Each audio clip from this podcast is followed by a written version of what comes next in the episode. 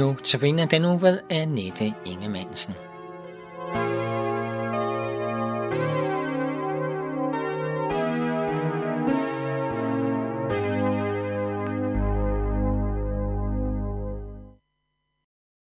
Jeg har tænkt og læst om personen Johannes Døber og hans spørgsmål til Jesus, da han sidder i fængslet.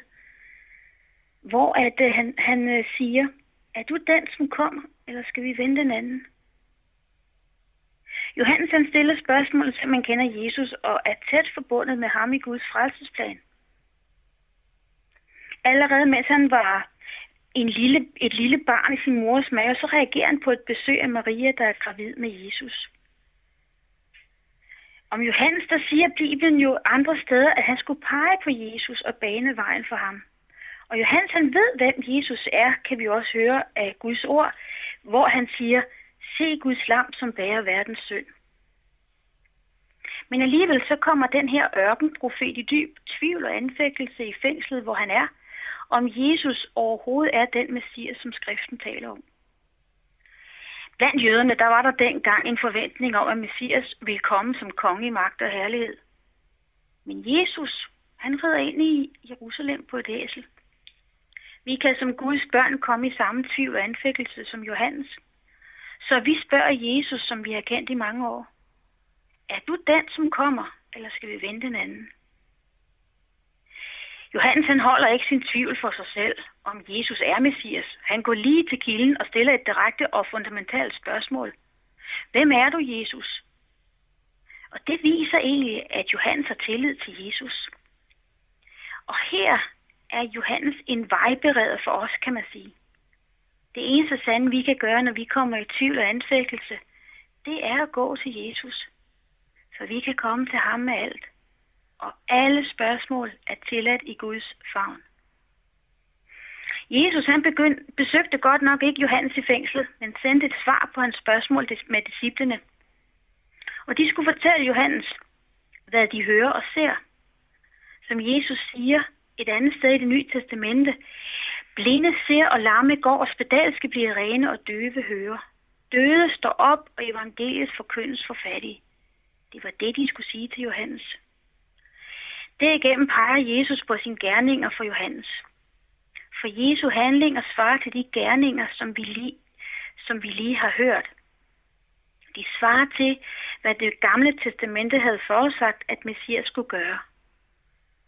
Johannes han genkender ordene om Messias, og altså, de spreder tvivlens tårer om ham. Så der midt i fængsels mørke, der hører den fattige Johannes, den største af alle profeter, det evangelium, som Jesus bringer og der kommer lys ind i tvivlens mørke. Det er kun ordet om underet om barnet i krybben, der kan skabe lys i mørke og sætte mennesker fri. Jesus, han fortæller andre mennesker om Johannes betydning, mens Johannes er i fængsel. Flere gange så stiller han alle dem, der hører på ham spørgsmålet, hvad gik I ud i ørken for at se, da Johannes han var der? Jesus han svarer selv på spørgsmålet. Folket de kom ikke for at høre, kom ikke fordi, at, at øh, Johannes var populær og havde et budskab, som de kunne lide at høre. De kom ikke, fordi Johannes var en mægtig konge. Folk kom for at høre ham, fordi han var en profet.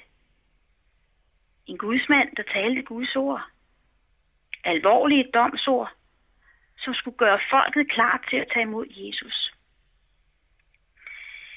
Det er endnu en af grundene til, hvorfor vi har brug for Johannes op til jul. For at vi kan blive klar til at tage imod Jesus barnet, Guds julegave til os. Vi må få øje på, hvad det er, der gør, at vi kommer i kirke juleaften. Nemlig for at se, for at høre, for at fornemme, at det er noget helt særligt, der er kommet til jorden. Det er nemt at se lysene og mærke glæden over at synge julesangen blandt, blandet med et gavelængsel og duften af julemand.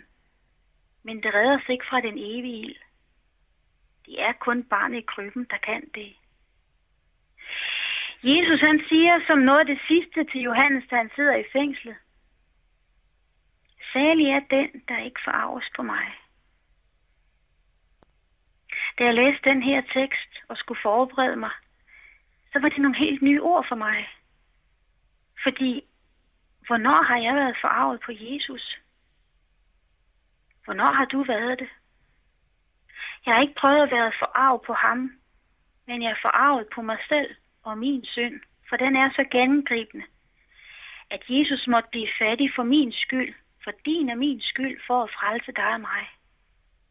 Han blev et barn i krybben for os. Han døde på korset for os. Det kan jeg ikke forarves over, men takke for.